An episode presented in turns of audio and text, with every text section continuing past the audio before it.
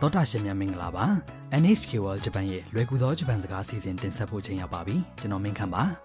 ကျမအပွင့်မှာဂျပန်စကားကိုအတူတူပျော်ပျော်ရွှင်ရွှင်သင်ယူကြပါစို့ ဒီကနေ့သင်ခန်းစာ38မှာအကြောင်းအရာနှစ်ခုကိုနှိုင်းယှဉ်ပြီးပြောတဲ့ပုံစံကိုလေ့လာပါမယ်စီစဉ်နောက်ပိုင်းမှာဖူဂျီတောင်အကြောင်းမိတ်ဆက်ပေးပါမယ်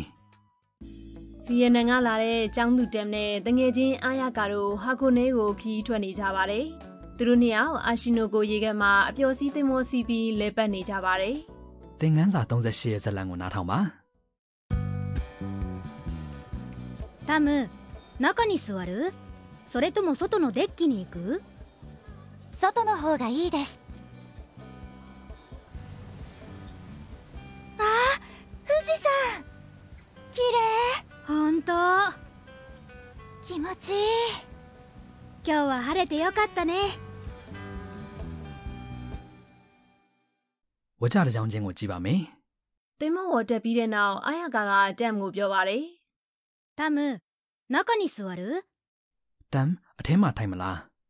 それとも外のデッキに行く ဒါမှမဟုတ်အပြင်ဘက်ကုန်းဘက်ကိုသွားမလား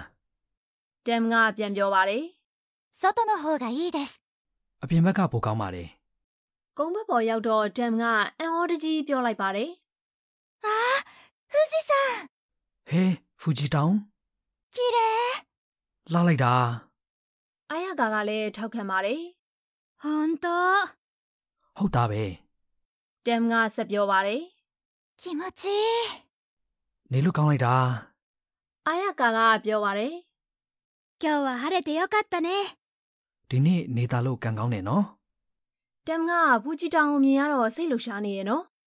ဟုတ်တယ်နော်အာရှီနိုကိုရေကန်ဟာပတ်ပတ်လည်အရှည်ကီလိုမီတာ20လောက်ရှိပြီးရှည်မြောမြောပုံစံရှိတယ်ရာသီဥတုကောင်းတဲ့နေ့ဆိုရင်ဖူဂျီတောင်ကိုလက်မြင်ရပါတယ်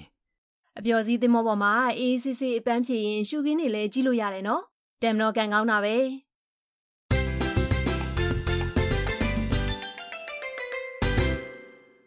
ဒီကနေ့အတွက်အဓိကအသုံးတော့က 外の方がいいです အပြင်ဘက်ကပိုကောင်းပါတယ်ဖြစ်ပါတယ်ဒီပုံစံကိုသိသွားပြီဆိုရင်အကြောင်းအရာနှစ်ခုနှိုင်းရှင်တာကိုပြောတတ်သွားပြီဖြစ်ပါတယ်အဓိပ္ပာယ်တွေကိုကြည့်ပါမယ် 外 ဆိုတာအပြင်အပြင်ဘက် 外の方が ဆိုတာ 外 အပြင်ဘက်ကိုအခြားတစ်ခုခုနဲ့နှိုင်းယှဉ်တဲ့ပုံစံဖြစ်ပါတယ်။ဒီနေရာမှာတော့အတွင်းဘက်နဲ့နှိုင်းယှဉ်တာပါ いいです ။ဆိုတာကောင်းပါတယ်လို့အဓိပ္ပာယ်ရပါတယ်။ဒီကနေ့အတွက်အဓိကအချက်ပါအကြောင်းအရာနှစ်ခုပစ္စည်းနှစ်ခုထဲမှာဒီဟာကပို့ပြီးတော့ဆိုပြီးတစ်ဖက်ကိုအသာပေးပြောခြင်းတဲ့အခါနံပုတ်ကို の方が နဲ့တွဲပြီးအနောက်ကနေနာမဝိသေသနာလိုက်ရပါမယ် ဒီဇလန်နဲ့မှဆိုရင်သင်္ဘောအထက်မှာထိုင်ခြင်းလားအပြင်ကကုန်းဘက်မှာထိုင်ခြင်းလားမေးတဲ့မေးခွန်းကိုတမ်ကပြန်ဖြေလိုက်တဲ့ပုံစံပေါ့နော် ။ဟုတ်ပါတယ်။တမ်ကအထဲမှာထက်အပြင်ဘက်ကိုပိုနစ်သက်တယ်ဆိုတဲ့သဘောနဲ့ဒီအသုံးနှုန်းကိုသုံးလိုက်ပါတယ်။ သောရရှင်တို့ပြန်နှားထောင်ပြီးလိုက်ပြောကြည့်ပါနော် 外の方がいいです外の方がいいです外の方がいいです သောရရှင်တို့ပြောလို့ရကြတယ်မဟုတ်လား အခုတခါအကြောင်းအရာနှစ်ခုကိုနှိုင်းယှဉ်ပြီးပြောနေတဲ့ဥပမာစကားပြောကိုနားထောင်ကြည့်အောင်သတင်းအချက်လက်စုံစမ်းရေးဌာနမှာခီးသွွားဧည့်သည်ကလက်ကမ်းကြော်ညာကိုကြည့်ပြီးဟိုတယ်ခန်းကိုရွေးနေတာဖြစ်ပါတယ် 洋室と和室どちらがよろしいですか洋室より和室の方が広いですね和室にします အဓိပ္ပာယ်တွေကိုကြည့်ပါမယ် 洋室と和室どちらがよろしいですか အနောက်တိုင်းပုံစံအခန်းနဲ့ဂျပန်ပုံစံအခန်းဘယ်ဟာရွေးချင်ပါသလဲ 洋室 ဆိုတာအနောက်တိုင်းပုံစံအခန်း 和室 ဆိုတာဂျပန်ပုံစံအခန်းဖြစ်ပါတယ်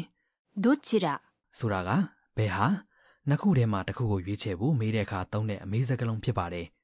よろし ဆိုတာက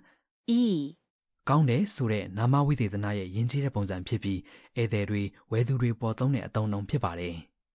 洋室より和室の方が広いですね အနောက်တိုင်းပုံစံအခန်းတဲ့ဂျပန်ပုံစံအခန်းကပိုကျယ်တယ်နော် ။ဘယ်ဟာနဲ့ဘယ်ဟာဆိုပြီးနှိုင်းရှင်ချက်ကိုရှင်းရှင်းလင်းလင်းဖော်ပြခြင်းတဲ့အခါထက်လို့အဓိပ္ပာယ်ရတယ် より ကိုထည့်ရပါတယ် 広い ။ဆိုတာကျယ်တယ်လို့အဓိပ္ပာယ်ရပါတယ်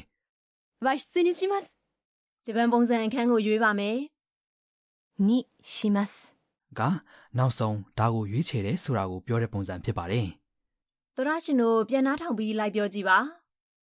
和室の方が広いですね。洋室より和室の方が広いですね。洋室より和室の方が広いですね。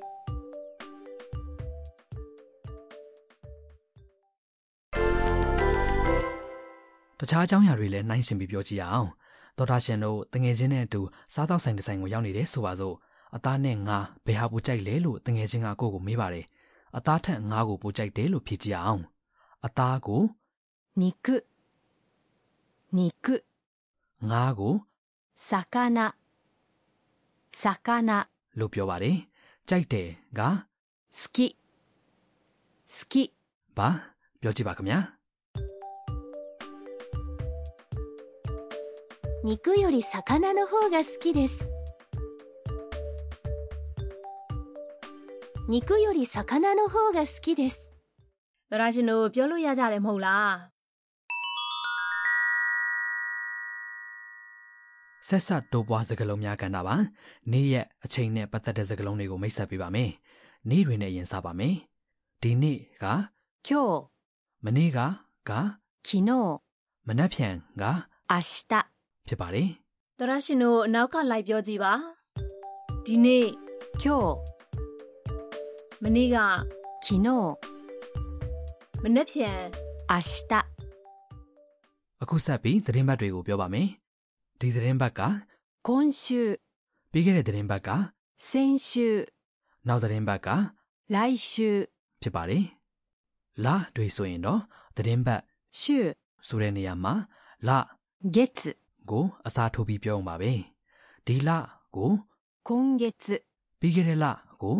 先月、 နောက်လကို 来月、 လို့ပြောပါတယ်။နှစ်တွေဆိုရင်တော့ဒီနှစ်က 今年、 ပြီးခဲ့တဲ့နှစ်က 去年、 နောက်နှစ်က 来年、 ဖြစ်ပါတယ်။ကဲဒီကနေ့အတွက်ဇာတ်လမ်းကိုတစ်ခေါက်ပြန်နှာထောင်ကြရအောင်။တမ်ကသင်္ဘောအထဲနဲ့အပြင်ဘက်နှိုင်းရှင်ပြီးပြောတဲ့အပိုင်းကိုသေချာအာရုံစိုက်နှာထောင်ပါ タム中に座るそれとも外のデッキに行く外の方がいいですあ富士山綺麗本当気持ちいい今日は晴れてよかったね